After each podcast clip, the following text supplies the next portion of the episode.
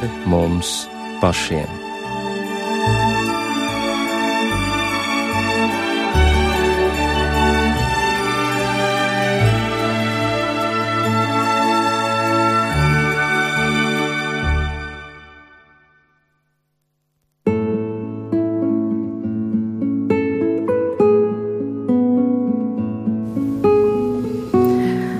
Esiet sveicināti rādījumā pāri mums pašiem, lai ir slavēts Jēzus Kristus.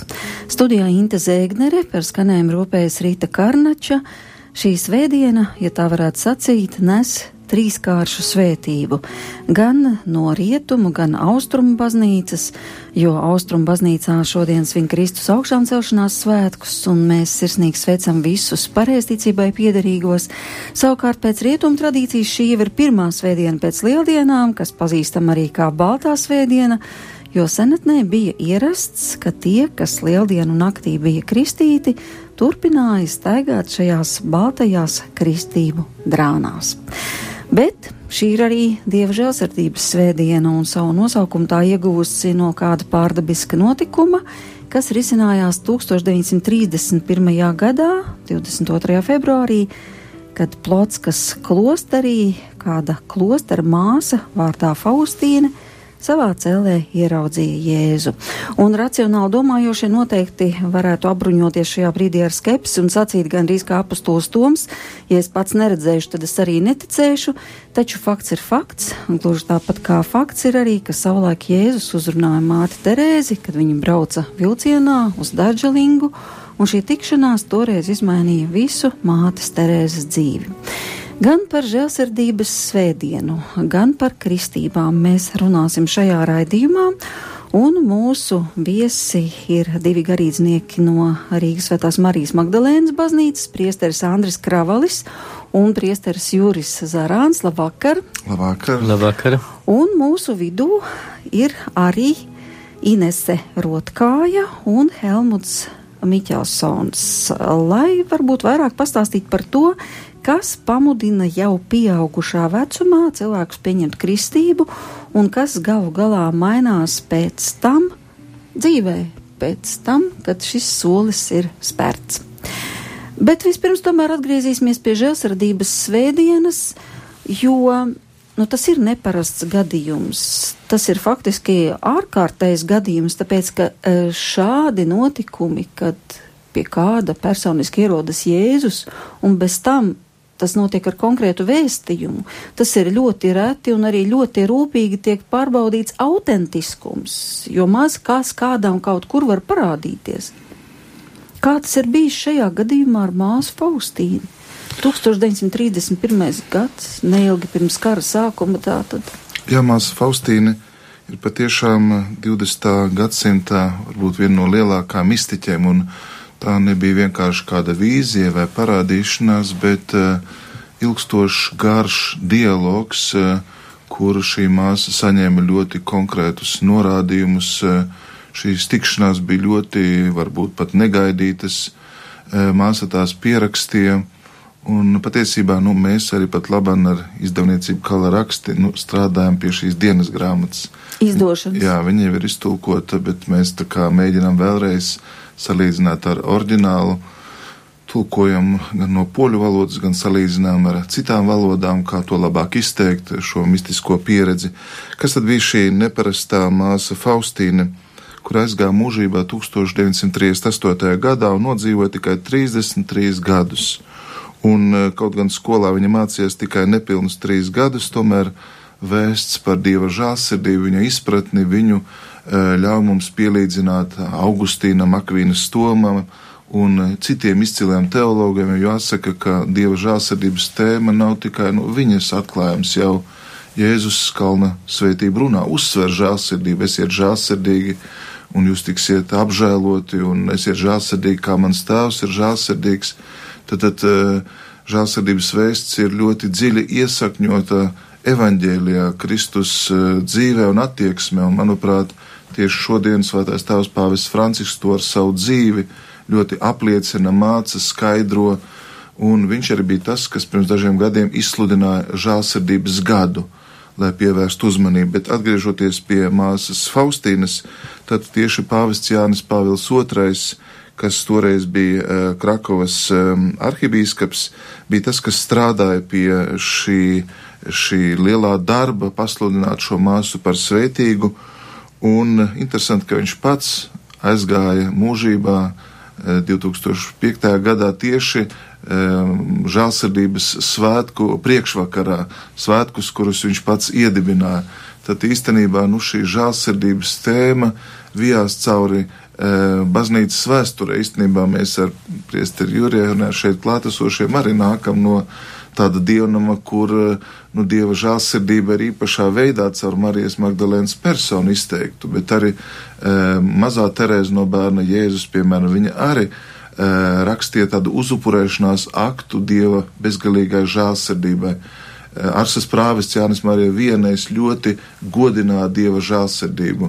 Godāmais bīskaps Borislavs Sloskāns, piemēram, šo žēlsirdības aktu no Terēzes no Lizjē atkārtoja katru dienu, viņš to zināja no galvas, tā bija tāda sevis uzticēšana bezgalīgā žēlsirdībai. Un, varbūt īsi rezumējot, ko tad Jēzus pateica māsai Faustīnai, viņš vēlējās, lai šī dieva žēlsirdības uh, dāvana, varētu teikt pat kults, uh, tiktu arvien vairāk uh, ienests baznīcā, atklāts, izprasts, un tāpēc Tie ir Jēzus gribētie svētki. Šodien, šī baltā svētdiena, kas ir kā žālsirdības svētki, mēs pazīstam e, žālsirdīgā Jēzus attēlu ar tātad šo atvērto sirdi un stariem, kas iznāk no viņas sirds, pazīstam žālsirdības kronīti.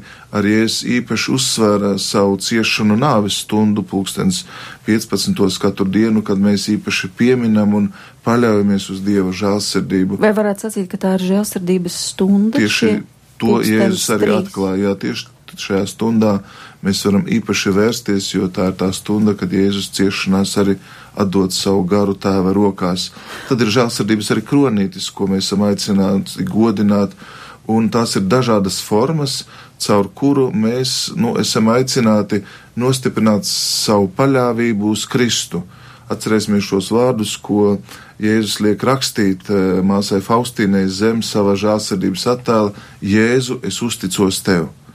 Un tad tā ir tā pamatvēsts, ka, lai kādi mēs nebūtu, mēs vienmēr varam uzticēties, jo Dieva žēlastība, viņa žēlsirdība ir lielāka par mūsu grēku nepilnībām, un lai kādi mēs arī nebūtu, mēs vienmēr varam paļauties, ka Dieva žēlsirdības durvis ir atvērtas ka Dievs ir mīlestība, bet Viņš gaida mūsu atgriešanos, eh, grēku nožēlu un uzticēšanos. Šī svētbilde ir sastopama baznīcās visā pasaulē ar šo uzrakstu apakšā Jēzu, es uzticos tev un ar šiem diviem stariem. Kā arī Jēzus bija sacījis māsai Faustīnai, lai šī svētglezna taptu uzgleznota. Bet tomēr bija kaut kas īpašs, ko viņš pateica tieši māsai Faustīnai.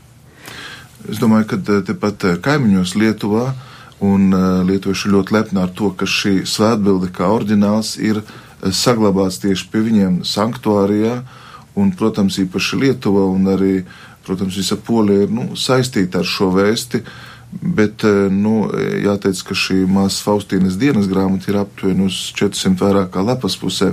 Tur ir ļoti daudz, kas pateikts, man šeit ir varbūt dažas atziņas, ko kā tādus garīgus principus mēs varam paņemt. Es tik varbūt nosaukšu, ko Jēzus viņai saka. Nu, nekad nepaļaujos uz sevi, bet pilnīgi uzticies manai gribai. Tātad uzticēšanās ir garīgs ierocis. Kad tu esi vientulībā, iekšā tumsā, visādās šaubēs, meklē patvērumu pie manis vai pie sava garīgā vadītāja, un viņš tev dos atbildes manā vārdā. Tad vienmēr garīgā cīņā piesauc Jēzu.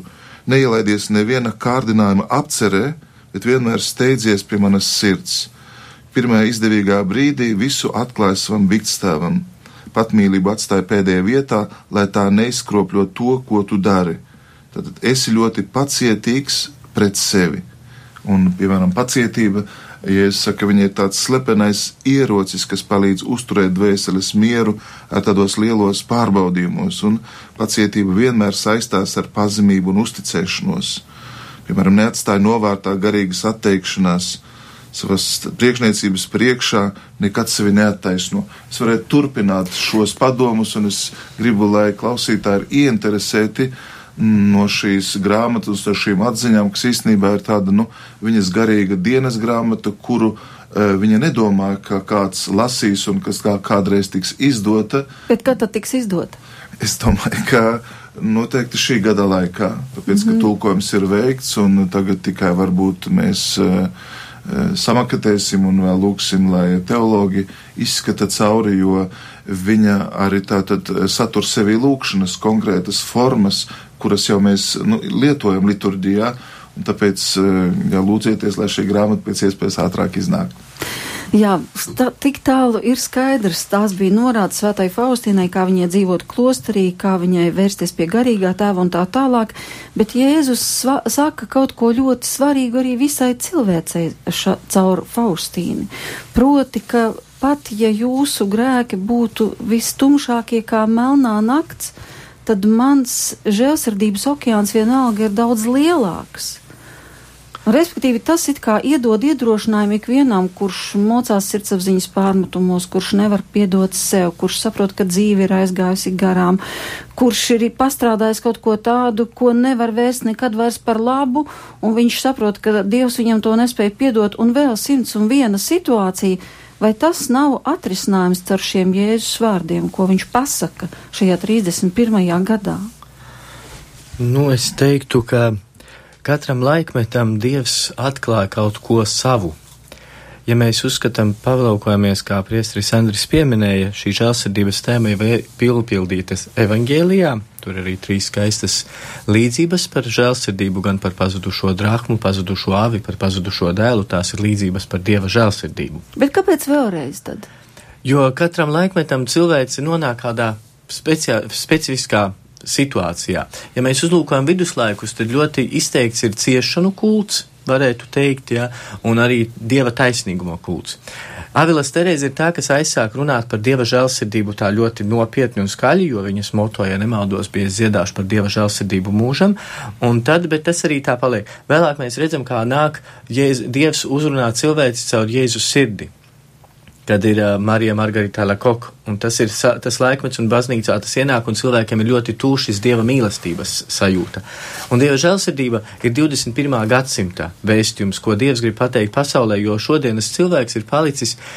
Viņš meklē tikai taisnīgumu. Ja mēs uzlūkojam 20. gadsimta, tas, kas sekoja pēc šī 30. gada, pēc šiem sarunām Faustīnai ar Jēzu, ja, kad, kad Jēzus uzstāja, mēs redzam Otro pasaules karu, mēs redzam šīs dažādās diktatūras, kuras valda pār pasauli, un tādēļ cilvēkos ir ļoti daudz ļaunuma, ļoti daudz naida, un viņi nezin, kā ar to rīkoties. Un tāpēc Dievs saka, ka atbilde šim ļaunumam, šim naidam, jo pirmā reakcija, ko cilvēks dara, tas ir aci pret aci, zobu pret zobu, un šī atbilde ir dot pretī žēlsirdību, jo Dievs ir žēlsirdīgs, jo Viņš prot kaut kādā veidā šīs visas netaisnības sakārtot. Ja mēs cilvēki, kā stāstīja Jozefs vienā uzrunā viņš teica, Bastencija, ka to žēlsirdību var salīdzināt tādā veidā, un tā ir Dieva atbilde šo, jo Dievs šo žēlsirdības fenomenu, fenomenu šo situāciju atklāja tieši šī laikmetā, jo mums ir visvairāk ir vajadzīga žēlsirdība. Varbūt šī žēlsirdības izpratne nebija tik ļoti nepieciešama cilvēkam 17. gadsimtā vai 18. gadsimtā, jo tad Dievs atklāja cilvēcei citas savas īpašības, un žēlsirdību viņš atklāja šodien. Viņš atklāja šī laikmetā, jo mums ir nepieciešama. Un tas ir tādā veidā, kad, ko Žozefs stāstīja, viņš saka, tas var salīdzināt divi seni draugi. Nu, viņi ir bērnībā lieli draugi, un tad viņi izaug lieli, viņi pašķirās, un tas viens kļūst par tiesnesi, otrs kļūst par noziedznieku, un viņi satiekas tiesas zālē. Un tiesnesim ir jāizlem lieta tā, kā pieprasa likums pēc taisnības, jo Dievs ir taisnīgs. Ja? Un, un tātad šis tiesnesis ir šis dievs, ja, un šis, šis noziedznieks ir šis cilvēks, ja, kurš ir visus kaut ko nu, izdarījis. Jā, un tātad tiesnesis viņš saka, man jāpaklausa likuma, man jāseko taisnībai, ja, un es tev uzlieku sodu, tu samaksāt simt tūkstošus eiro. Ja. Nu, viss spriedums galā, bet, nu, protams, cilvēks nezina, kā to darīt. Un tad viņš nogieb savu tiesneša manti, un viņš aiziet pie sava drauga, un viņš saka, bet tu esi mans draugs, un es tavā vietā to samaksāšu. Un viņš uzraksta čeku par 100 tūkstošu eiro. Un tādā veidā Dievs, ir taisnīgs, viņš nevar pievērt acis uz izlikties, ka mūsu ļaunums nekur nepazūd. teiksim tā, bet tai pašā brīdī viņš mūsu vietā samaksā izpēk šo ļaunumu, un tādēļ tieši šī žēlsirdība nāk no Jēzus krusta, nāk no šīs lielās piekdienas, nāk no šīs pārdurtās sirds, no kuras tad iztek ūdens un asinis, jā. Tas ir tas žēlsirdības avots, jo tādā veidā Dievs samaksā, viņš liek mums paskatīties, mēs esam ļauni, bet viņš nepārstāja mūs mīlēt. Viņš turpina. Tas nozīmē, ka mums nav nekāda iemesla šaubīties, ka ik viens grēks var tikt piedots. Jā, šeit Faustīnā Jēzus saka, es vēlos, lai žēlsirdības svētki būtu patvērums visām dvēselēm, bet sevišķi nabaga grēciniekiem. Šajā dienā ir atvērtas manas žēlsirdības zīles. Es izlēju veselu žēlsirdības jū, žēlastību jūru uz dvēselēm, kuras tuvosies manas žēlsirdības avotam, dvēseles, kas iespie grēksūdzes un svētās komunijas saņems vainu un sodu pilnīgu atlaišanu. Šajā dienā ir atvērti visi debesu vārti, caur kuriem plūš žēlastības. Šajā dienā. Jā. Tātad šogad tas ir 8. aprīlis. Nu jā, tas ir šodien, bet, tas bet šī, šie vārti jau netiek aizvērti. Rītdien jau nebūs, tā, ka mēs nu, sagaidīsim pulkstenis 12, jā, un tā tad debesu vārti aizvērsies, un tad gaidiet līdz nākošajam gadam. Jo, kā priestris Andris teica šodienas uzrunā, kad bijām dievkalpojumā Petra baznīcā, gribēju teikt Petra katedrālē, Petra baznīcā, ja, kad, kā citējot pāvestu Francisku, ja, kad viņš noslēdza jubilējas gadu, kas bija veltīts žēlsirdības tēmai, viņš teica, jubilējas durvis tiek aizvērtas, bet žēlsirdības durvis paliek atvērtas. Dievs jau neaizver savu žēlsirdības durvis. Tāpēc šī Faustīnas dienas grāmata nu, ir šis uzsvērums, ka, nu, ka dieva žēlsirdība neapstājās kādā pie kāda, nu, viņai nav šķēršļu. Vienīgais šķērslis dieva žēlsirdībai ir cilvēka brīvība. Bet ņemot vērā, ka šodien tomēr ir šī īpašā diena, nemaz nebūtu slikti. Piemēram, tad, kad beigsies raidījums, vēl to stundu no 23 līdz 24 parunāt ar Dievu par šo jautājumu. Varbūt arī atkārtot šos vārdus: Jēzus, es uzticos tev ja es uzticos tev. Un, eh, manuprāt, eh, lai labāk saprastu šos svētkus, protams, ir jālasa tie teksti, kas mums šodienas liturģija ir. Un arī mēs nedrīkstam aizmirst, Juris jau to iesāka runāt par krustu, kas ir avots šai dievišķai žālsirdībai, bet interesanti, ka augšām celtā gaismā mēs lasam šodien par tomu, kurš nav klāt, bet kurš tātad tiek aicināts tuvoties Jēzum, ielikt savas pirkstus viņa brūcēs un pārliecināties. Un mēs zinām šo Toma lūkšanu, mans kungs un mans dievs. Un tātad, eh, zinām mērā, Jēzus nu, pielāgojas mums katram, vēloties mūs katru glābt. Un eh, šajā vēstījumā, eh, šajā evaņģēlijā tā galvenā vēsts ir svētīgi tie, kas nav redzējuši, bet tic. Tātad ticība ir ļoti svarīgs priekšnoteikums, lai mēs šo dieva žēlsirdību piedzīvot, lai, to, lai tajā ietu, jo tā uh, pārsniedz cilvēka prātu. Tātad cilvēks var teikt, es ticu, ka tu man visu vari un spēj piedot. Es tev lūdzu piedošanu. Man liekas, ka nav skaistāks un labāks lūkšanas un visa teiktā rezumējums. Un, ja runājam par Dieva žēlsirdību, tad skaidrs, ka viņa mērķis ir, lai visi cilvēki tiktu glābti. Un, ja šāda mērķa nebūtu, tad arī Jēzus nebūtu nācis pasaulē un gājis nāvē šādā veidā. Tad tas nebūtu bijis nepieciešams. Bet tajā pašā laikā Bībelē ir ļoti daudz reiz arī izteikti atgādinājumi, kas tad ir jādara, lai cilvēks tiktu glābts. Ir sacīts svētajos rakstos, kas tic un top kristīts, tas tiks glābts, kas netiks, tiks pazudināts, vai arī kas neatdzims no ūdens un no gara, tam neredzēt dievu valstību. Tātad kristība būtībā ir pilnīga savas garīgas identitātes izmainīšana. Kā jūs līdz tam nonācāt? Kāds no jums ir gluži jaunkristīts, Un tā tad tā ir Inese. Inese, jums nav ne 15, ne 18, mazliet vairāk. Kā var pieaugušā vecumā nonākt līdz lēmumam, es gribu kaut ko mainīt savā dzīvē? Nu, tas ceļš īstenībā tik cik es esmu uz šīs pasaules, tik arī ir bijis šis ceļš. Ja? Nu, tagad tas ir atnācis. Ja? Es esmu bijusi gan, gan viena pati gājusi iekšā baznīcā. Ja? Mm, tas, nu, baznīca kā tāda bija ļoti tuva, jā, bet kaut kā, nu, ne, ne, nu, nenāca prātā, kad, nu, vajadzētu to izdarīt, jā. Lēnā garā iepazīstot topošo līgavaini, kas sēž tepat blakus, kas sēž tepat blakus, nācām pie secinājuma, ka man tas ir jāizdara. Jā. Nu, respektīvi, tā tad iesim alfas kursā kopā Magdalēnas draudzē. Kāpēc tieši Magdalēnas draudzē? Ziniet, pateikšu godīgi, izteigājām ļoti daudz baznīcas, bet tas tu, nu, tas gaišums, tas mīļums, tā, tie smaidi, kas bija Magdalēnas draudzē, nu nesastapām. Un tā soli pa solītim lieldienās es tapu kristīta. Bet vai jūs jūtat kādu konkrētu izmaiņu?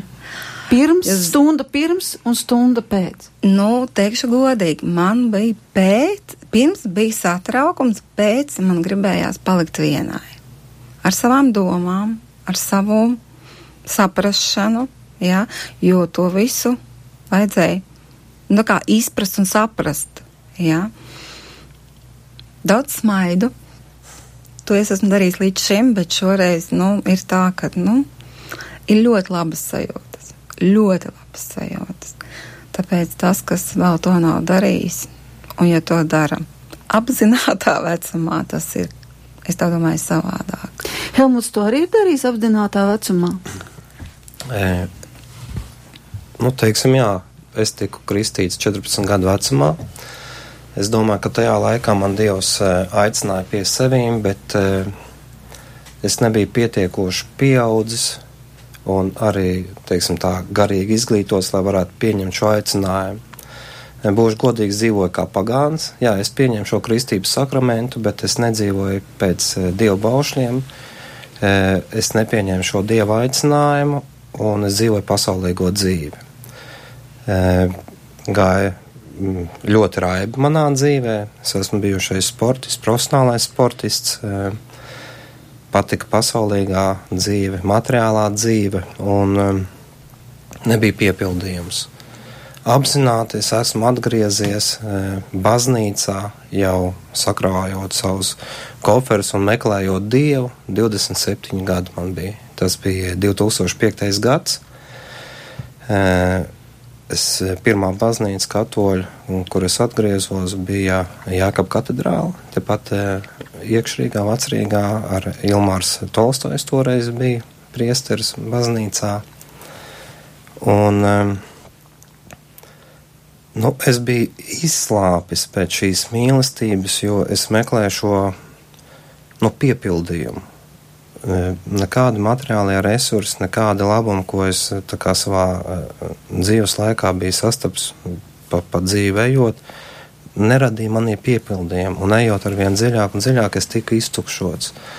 Un cik tas jocīgi skanētu, tad, kad es atgriezos un sāku iet uz katoļu baznīcu, mamma izvilka ārā lūkšanu grāmatiņu, kristības e, grāmatiņa, kas ir apliecinājums, ka es esmu kristīts tad un tad. E, bībeli, un tas kaut kā sāka notikties. Ja? Tas nenotika manā cilvēka spēkā, bet viss sāka likties. E, pirmie svētceļojumi, svētdienas skola, es sāku lasīt bībeli, nu, sāk pārveidoties nu, mana cilvēka daba. Es sāku pats kaut kādā veidā izjust mieru, kas man ļoti svarīgi ir kaut kādas nehaotiskas darbības, bet tieši nu, dvēseles mieru, iekšēju mieru. Pamainījās apkārtējā viņa, pamainījās daudz cilvēku. Ejot svētceļojumā, man vajadzēja tiešām ļoti daudz, teiksim tā, pārbaudījumiem iet, jo neskaitāmas reizes gribēju vienkārši pārtraukt šo pirmo svētceļojumu un atgriezties mājās, jo tikai tāpēc, ka tas man bija svešs, būt kristietim, tas ir praktizēt.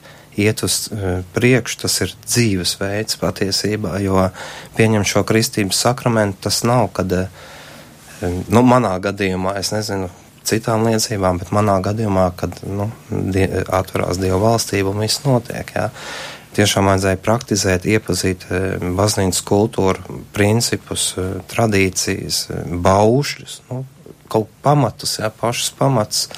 Un es biju ļoti pārsteigts, kad man vajadzēja arī noticēt tam, ka Dievs vēl man pieņemt ar visu manu pagātni un piedot, jo lasot, pieņemsim, lūkšanu grāmatiņā sirdsapziņas izmeklēšanu šos e, baušus, es domāju, ak, Dievs, kā tu, kungs, vari mani mīlēt par manu pagātni. Un tur ir tas cilvēka resurs un prāts, kas, e, un arī droši vien ļaunums sekas, kas nāk no pagātnes, kas neļauj uzticēt savu dzīvi Dievam. Nu, ļaunums tomēr ir kaut kādā veidā pārāks kaut kādos brīžos un ņem tas cilvēku vājums, bet, nu, kungs ņem virs roku un, un pārmaina, pārveido mani, un es esmu ļoti pateicīgs, ka es ļāvu, es nenobijos, kad Dievs bija ar mani, jo tas, kas notikās, tas nav vārdiem izsakāms, tā, tā pārveidība, tas. Um, nu, svētceļojumu un, un, un, un, un tas, ko es piedzīvoju, tā nav halucinācija, tā ir mana dzīve, man nav nevienam jāpierāda, es satiku dzīvo Dievu, es viņam ticu, man ir ticība, kas nav mazsvarīga, un es esmu atgriezies. Es esmu ļoti laimīgs, man viņš ir tiešām dziedinājis, viņš man ir devis brīnišķīgu e, līgavu, jā, ar kuru mēs e, šogad 28. jūlijā iesim un slēgsim laulības, jā, un mums būs laulības sakraments, es ticu, ka Dievs arī eh, Aglonā pabeigs eh, Ines iesākto kristību sakramentu un būs arī šīs eh, gan pirmā komunija, gan arī iestiprināšana, kas, nu, kas manā, tas ir varbūt es mazliet fantazēju, protams, man ir, es piedāvāšu un Ines pieņems lēmumu, Bet tas ir ļoti skaisti tajā visā būt iekšā, un es esmu ļoti pateicīgs. Es esmu ļoti pateicīgs par šo jauno dzīves veidu, dzīves um, garīgo ceļu, kas man liek nu, būt, būt laimīgam, tiešām laimīgam un piepildītam, ko es meklēju kaut kādā veidā, nu, nepareizos, nepareizos ceļos. Kas bija tas jūsu sporta veids, ar ko jūs nodarbojāties? Futbols. Es esmu futbolists. Oh. Jā. Es tagad uh, pateicoties, ka es esmu atgriezies, esmu atgriezies arī un spēlēju amatieru līgā. Un, nu, jūtos ļoti labi. Ļoti labi jūtos. Jā, bet tad, kad jūs teicāt, ka atverot lūkšanu grāmatiņu, kur ir sirdsapziņas izmeklēšana un tā tiek par indiņai, var izsakot savai dzīvei un salīdzināt ar to, kā vajadzēja būt un kā nebija, jūs sacījāt, ka jums bija tā sajūta, kā to vispār iespējams piedot. Un tas ir tas, par ko mēs runājām, ka tā ir tā ļaunā puse, kas mēģina diktēt, ne, to nevar piedot, to nevar piedot, nevar piedot. Un lūk, tad ir šī žēlsirdības vēsts, kad Dievs saka var. Un, lai cilvēks vēl vairāk ticētu, tad tiek sūtīts māsai Faustīnai šis atklājums nav grēku, ko nevar piedot. Bet ko es vēl gribēju teikt šajā jūsu dzīves sakarā? Kā tas ir tad ar to kristību? Cilvēks nokristās, pieņemsim, kā mazs bērns, par ko arī ir dažādas diskusijas, vai mazus bērnus ir jākrista. Bet tad viņš nedzīvo kā kristietis bet tajā pašā laikā ir taču pateicis, ka viņam ir cita identitāte. Viņš ir kļuvis par dieva bērnu, viņš ir dieva templis, bet viņš to dieva templi piedraņķo. Tad tādā gadījumā vai tā vēl nav vēl trakāka sajūta nekā, ka cilvēks nav kristietis. Nu, tad viņš ir miesisks radījums, miesisks un viss un cauri, bet ja viņā ir jau Dievs ielicis savu dzīvību, bet viņš dzīvo, nu, apvainodams Dievu, kas ir viņā, Ko ja, jūs ar to varat teikt? Ja, nu, kristības uh, patur cilvēku joprojām brīvu, jo tikai brīvs cilvēks var uh, mīlēt, apliecināt mīlestību un tiekties. Un, manuprāt, uh, mm, ja mēs gribam kā, labāk saprast Dieva bezgalīgo žēlsirdību, tad, manuprāt, tiešām ir nu, jāuzlūko kristības, jo kristībā cilvēks to par jaunu radījumu. Viss, kas Inesē bija līdz šim, ir ne tikai piedots, bet viņa, kā, kā, kā tu pareizi sacīji, viņa ir iesākusi jau dievišķu dzīvi, viņa ir pavērušies jau dievišķie dzīves apvāršņi,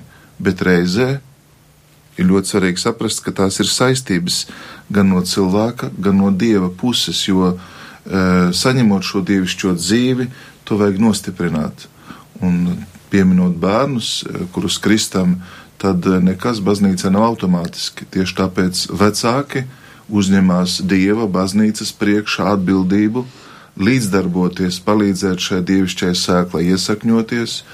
Otkārt ir krustvecāki, kas līdzdarbojās, bet Dievs šajā brīdī, ja tā var teikt, eh, nu, eh, cilvēku ievet eh, savā dievišķajā dzīvē. Viņš dara spējīgu cilvēku mīlēt, piešķirot ticību, cerību, un arī cilvēks zaudē iedzimtā grēka sekas, jeb lāstu, kas nāk no Ādama un Ievas, ko mēs saucam par pirmgrim, pirmgrēku, jeb iedzimto grēku, un cilvēks tad iet tādā jaunā dieva bērna brīvībā, kuru viņš ir aicināts nemitīgi nostiprināt. Eh, Pāvils to saka, tad, tad nu, noģērt veco cilvēku, tad, tad eh, arvien vairāk iemantot svētā gara dāvanas, dzīvot svētā gara vadībā. Piemēram, Pāvils romiešiem saka, ka dieva bērni ir tie, kurus vada dieva gars.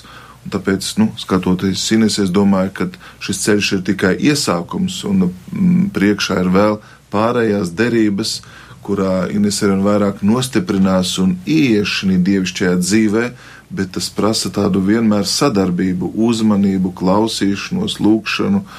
Nekas nenotiek tāpat vien. Bet, eh, protams, šī kristība ir bezgalīgi liela dieva žēlsirdība par mums, kas uh, iedod mums dieva valstības pilsonību, bet mēs varam to arī neizmantot.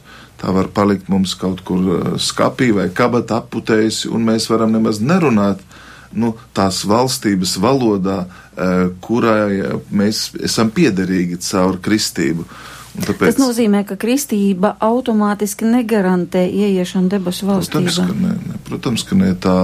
Tas ir ļoti svarīgs priekšnoteikums, un to, ko jūs citējāt no Marka evaņģēlē tieši par kas ticēs un kristēs, tas ir ļoti būtiski, bet Jēzus vēlas cilvēka līdzdarbību.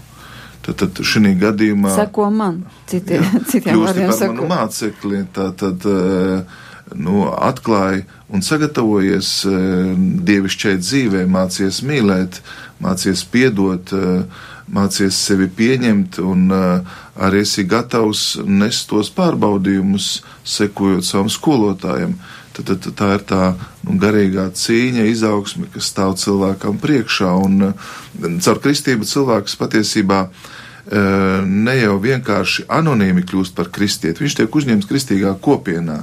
Viņš tiek uzņemts arī draudzē, kur viņš iet cilvēku attiecībās. Caur kristību cilvēks kļūst par Jēzus sekotāju, viņš turpina Jēzus dzīvi un mācību atklāt un to īstenot savā dzīvē.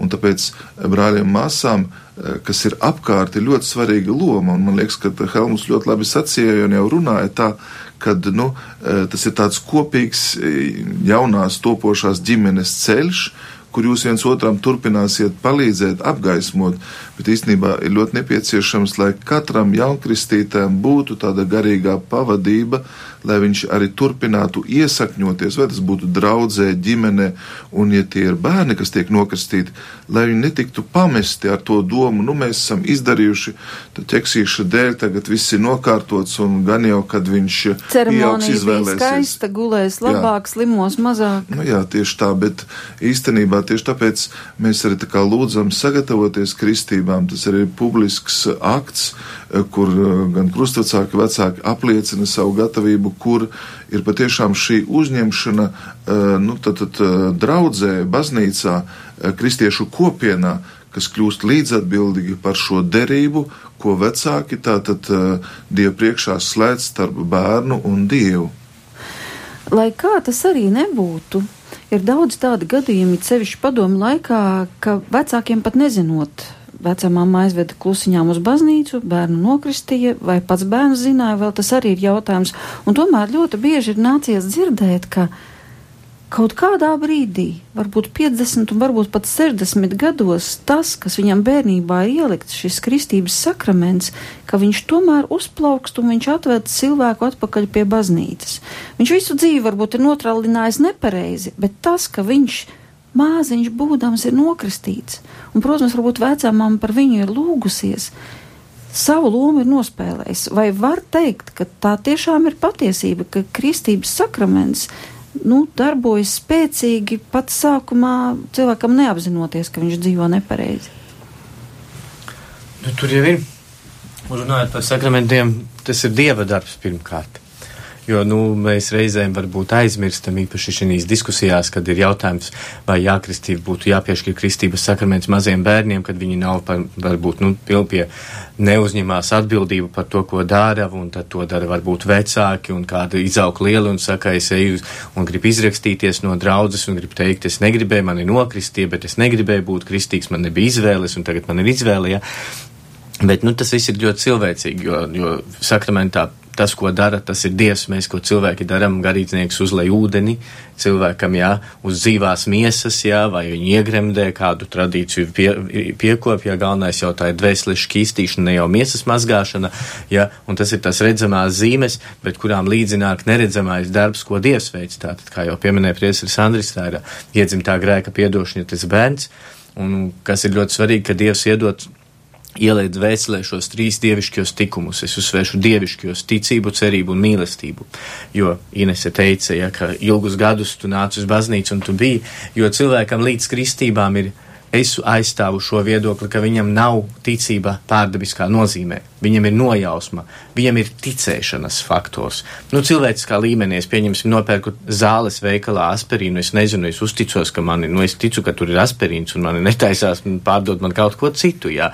Vai es lietoju, nu, vienalga tādas praktiskās lietas, tas ir pirmais ticības līmenis. Ja, un tāpat arī cilvēks bez kristības, viņam šie, šāds pats ticības līmenis, tāda uzticēšanās nojausma nu, ir ilgas. arī par Dievu. Jā. Viņš kaut ko nu, meklē, ilgas. viņš zina, viņš ar prātu, cik tālu var aiziet, bet kaut kur viņš apstājas, viņš tālāk netiek. Un tādēļ, uh, jo cilvēkam, ja viņš ir pieaudzis, viņam ir ļoti grūti pieņemt šo lēmumu, jo daudzas lietas viņā pretojās. Viņš saprot, ka tas būtu labi nokristīties, ja, un tas ir smags, nu tāds diezgan grūts laiks, kas iziet cauri. Bet tad, kad jo, ja cilvēku nokristīja maziņu, man šī dzīves pieredze Kad nokristīja maziņu, šī ticības dāvana, cerība un mīlestība pārdabiskā, tā tad Dievs darbojas, Dievs dāvā šo ticību, tātad ši, viņš jau ir ielieta, un šī uguntiņa, kā es saku, dekā, jūs teicāt, ja pat ja šis cilvēks varbūt notraulina šo savu dzīvi 50 gadus kaut kā dzīvodams, bet šī dievišķā žēlastība, kas viņa dvēselē ir ielieta, ticība, cerība un mīlestība, viņa nevar izzust. Jo, nu, dvēselē notiek ontoloģiskas pārmaiņas kristības brīdī ir vēslē ar neatgriezeniskām sekām. Daugavā nenomazgās kristību, ja kā to centās mūsu senči dažus gadsimtus atpakaļ. Ja. Un tādēļ šim cilvēkam vienkāršā nopūta jau būs ticības akts. Pat ja viņš sāks meklēt, ja es ar viņu sākšu runāt par Dievu, es viņu sākšu mudināt, viņš mani dzirdēs, jo viņam būs šī pārdabiskā ticības spēja. Un cilvēkam, kas nav kristīts, viņam ir, viņš mani saprot, ko es viņam saku, bet viņam ir bailes uzticēties. Jo tad, kad es viņam runāju par Dievu, viņš zina, ka Dievs ir, bet kā tur, nu, tur līdz galam tā. Jo Augustīns ļoti labi saka, ja mēs, Dievs mūs pārspēja vairāk nekā eļļa virs ūdens, tas ir pārāk tālu, un tāpēc Dievs kristībā iznāk cilvēkam pretī. Tāpēc tas ir pirmais. Viņš iznāk pats, Dievs iznāk pretī un ar sevi iepazīstina. Nu, šī iepazīstināšana, šī Dieva tuvums ir tieši šī ticības dāvana. Vai varētu tādā gadījumā teikt tā, ka pat ja cilvēks ir kristīts, pieņemsim bērnībā, tas neizslēdz iespēju, ka viņš var arī aiziet pazušanā. Bet savukārt viņš varbūt ir mantojis spēju dotu no dieva arī vieglāk atgriezties. Jā. Jo kas man patīk, iepriekš kristību rituālā, tagad ir jaunajā rituālā, kas ir, nu, kad ir jautājums, ko tu vēlēsi no Dieva baznīcas? Bija jums jautājums, un atbilde bija kristības, jā. jā. Iepriekš pirms koncila bija, vecajā rituālā bija jaut, atbilde mūžīgo dzīvi. Jā. Cilvēks uzreiz, jo kristība tā man ir iespēja būt par mūžīgo dzīvi. Visu pārējo šeit es varu sadabūt pats sagādāt. Mūžīgo dzīvi es pats sev nevaru sagādāt. Tas ir tas, ko man dod Dievs, jā. Jo kristībās Dievs, runājot juridiski, apustulis Pāvils saka, ja mēs esam Dieva adoptēti, Dievs cilvēku adoptē. un, un mēs kļūstam par dieva bērniem. Un ko nozīmē būt dieva bērniem? Nozīmē būt mantiniekiem. Un tādēļ šis atbilde bija: es gribu mūžīgo dzīvi, es gribu būt kristīts, jo es gribu būt mantinieks, tas, kas pieder dievam. Jo, jo kā mēs kļūstam par mantiniekiem, vai nu dabiski veidā piedzimstot saviem bērniem, ja vai nu caur adopciju. Adoptēti bērni ir mantinieki, ja kaut kādi tur nu, auģu bērni vai kādu nu, nevar izmantot, ja tiešā veidā. Un tieši tādēļ šī, nu, tas būtu normāli, ka cilvēks, es gribu būt kristīts, Un, kad es to mazo bērniņu atnesu savu kristītu uz baznīcu, es viņam gribu mūžīgo dzīvi. Tas ir mērķis. Visu pārējo mēs te sagādāsim, zāles nopirksim, ja labāk gulētu, ja, un, un viss pārējais būs, bet mūžīgo dzīvi mēs paši sev nevaram sagādāt. Tā ir Dieva dāvana. Jā, un šī tātad, nu, Dieva dāvana tiek saņemta kristībā, kurā mēs saņemam ticību, un caur ticību mēs arī kļūstam Dievam patīkami, un uh, ticība, kā jau ir izsacīja, ir uh, dievišķs ieliets tikums, uh, kas ļauj mums tuvoties Dievam. Vēsturē ebrejiem saka, tie, kas vēlas tuvoties Dievam, tiem ir jātic. Un tāpēc nu, ticība kā tāda uh, spēja, kas tiek saņemta kristībā, viņai ir jāvingrina caur lūkšanu, caur uh, tuvāku mīlestību, žēlsirdības darbiem, arī caur atteikšanos. Uh, mēs, lasot Dievu vārdu, arvien vairāk redzam uh, Kristus mīlestību, kas liek arī mums mainīties liek uzņemties atbildību, arī vēlēties, arī uh, sekot Kristumu, uzņemties grūtības, pārbaudījumus un arī evanģelizēt, apliecināt Kristu. Ja, neaizmirsīsim, ka nu, evaņģēlijas, kā to Kristus saka, ir prieka, labā vēsts, vēsts, kas, kas mūs izmaina, un ja mēs vēlamies par to liecināt, tā ir zīme, kad mēs ļaujam jau kristībai mūsos darboties, jo kristības uzdevums ir īstenībā nest bagātīgus augļus. Un e, Jēzus sarunā e, pēdējā vakarā laikā saka, es vēlos, lai mans prieks būtu jūsos, lai jūsu prieks būtu pilnīgs un lai jūs nestu bagātīgus augļus. Un tad cilvēks varbūt caur visu dzīvi, kristīgo dzīvi, ejot, arvien vairāk un vairāk uh, tiek bagātināts, jo Dievs, Dieva žēlstībā viņā nes šos mūžīgās dzīves augļus. Te mēs gandrīz radījumu varētu noslēgt, un tomēr vēl daži praktiski jautājumi. Ar Ines viss skaidrs, Ineses kristība ir saņēmusi, bet bieži vien rodas ļoti dažādi jautājumi, nu, piemēram, gribu savu bērnu nokristīt, jā, bet tad man garīdznieks teiks, lai es eju svētdienas skolā, un mans vīrs nemaz nav kristīts, un kur tad, lai es ņemu attiecīgas krustvecāks, un beidzot visu šo lielo karuseli, bērns tā arī kristību nesaņem, jo ir pārāk daudz neatrisinātu jautājumu. Tad ir vai ir iespējams tā, ka ja reiz vecāki grib savam bērnam, kristību, neatkarīgi no tā, kā viņiem tur pašiem iet ar kristīgo dzīvi, tad kurš gan mazam bērnam var šo kristību liekt? Vai tomēr garīdznieks saka, nu, nē, nē, nē, tomēr vispirms sakārtojiet savu dzīvi, un tad mēs kristīsim arī jūsu bērnu. Nu, šeit ir tiešām vietā pateikt, ka eh, Kristus nav saistījis kristības sakramentu tikai ar garīdzniekiem. Protams, ir baznīca, kurā bērns tiek uzņemts, bet ja arī, piemēram, māte nepieciešams gadījumā pareizi nokristīt savu bērnu, baznīca to, atzītu. Tas tik parāda, cik svēta un neatkārtojama ir kristība. Tātad kristību patiesībā var sniegt tik viens, ne, ne tikai māte vai tēvs vai pat Jā, jebkurš radinieks, pat svešs cilvēks. Tā, tā būs derīgi izpildīt, ja cilvēkam ir izpratne, ja viņš to vēlas darīt tā, kā to dara baznīca Bet man mazliet, es šeit pat šī studijā biju kādā raidījumā ar, ar, ar, ar tādām, nu, tradīciju sievietēm, kas vienkārši tā mēģina vēlēt labu un imitēt kristību. Tad, nu, no tā gan es gribu teikt, ka ir jāuzmanās, nevajag jaukt varbūt kādas latviskās tradīcijas un tur bērnu dažādas nu, dzīves ievadīšanas, tur Rituāls. gan formas, rituālus mm. ar kristībām, jo uh, Kristība ir visciešākā veidā saistīta ar Kristu, ar viņa mācību un personu. Kristība mūs ievada svētā trīsvienībā, un tāpēc mums jābūt arī nu, mīlestībai uz svēto trīsvienību. Mums ir jātiecas to pazīt, un arī tā ievada mūsu kādā konkrētā kopībā. Es vienkārši sakot to, ka kristība būtu derīga, ja jūs pareizi nokristīsiet, tā kā baznīca krist, grib kristīt, grib uzsvērt, ka nu, tas ir ceļš un tas parāda, ka šeit svarīgākā nav garīdznieka persona, bet, kā Presteris Juris sacīja, tā neatkārtojama dāvana, kas nāk no Dieva, un nekas nevar būt par šķērsli, lai šo dāvanu saņemtu. Protams, arī Jēzus mēs redzam rīkojas pedagoģiski. Arī baznīca vēlas lielāku labumu un grib, lai dažreiz vecāki pacenšas un ir tā kā laba augsne, kur bērns nu, caur kristību tiešām arī augs un, un, un, un ies pie pārējiem sakramentiem. Bet katrā ziņā to nevar uztvert arī viegliprātīgi. Tas nozīmē, šodien vakarā es izdomāšu, ka es kādu no saviem radiniekiem ņemšu un nokristīšu. Nu, tādu profanāciju arī tomēr nevar Nē, es domāju, pieļaut. ka dažreiz tas tā ir ļoti labs, labs lēmums. Ja vecāki nav gatavi, tad eh, cilvēks vienkārši atnāk, izrunājās, ievada, atved vecākus uz baznīcu, un ja viņiem ir gatavība un lēmums tiešām ar atbildību pieņemt šo dāvanu, daudzos gadījumos bērna kristība aizved ar līdzi vecākus. Un pēc tam ar vecāku gan salauzās, gan iesvētās. Vajag, es domāju, ka Dievs dažādos ceļos piemērojas, lai cilvēku vestu pie sevis. Un tāpēc nu, aiziet pie garīdznieka, uzticiet savas rūpes.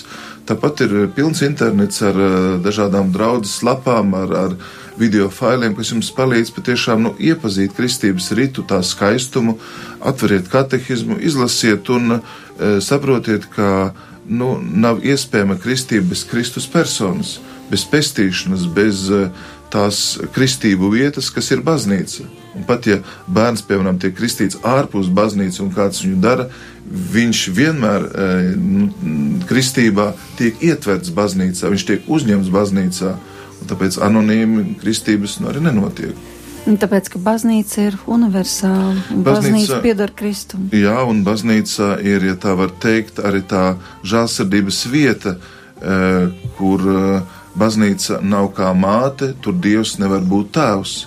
Tieši caur baznīcu mēs arvien vairāk atklājam Dieva žēlsirdību, un baznīcai ir uzticēta šī sūtība, un tas arī ļoti būtiski to šodien saprast. Mēs nevaram pareizi saprast Kristu bez baznīcas, jo tieši tur Kristus atklājās. Tā ir Dieva klātbūtnes un uh, godības vieta. Un tieši tāpēc nu, mīlēsim baznīcu kā pestīšanas vietu, kas kopš jau 2000 gadu ir ielikusi savus pamatus un ved cilvēkus pestīšanu. Ar šiem vārdiem mums arī jānoslēdz ir raidījums. Paldies priesterim Mārim Kravalim un priesterim Jurim Zarānam no Rīgas Svētās Marijas Magdalēnas baznīcas un arī Inesē Rotkājai un Helmutam Miķelsonam par jūsu liecību šajā vakarā. Un eh, man ļoti patīk tas, ko Juris teica, ko tu vēlies, ka visi jau mēs varam nopirkt par naudu, bet mūžīgo dzīvi nē. Un tas ir arī skaistākais novēlējums, lai tad nu, mums tiek arī tā. Paldies par kopā būšanu jums saka Inta Zēgnere un par skanējumu šajā vakarā rūpējas Rīta Kārnača.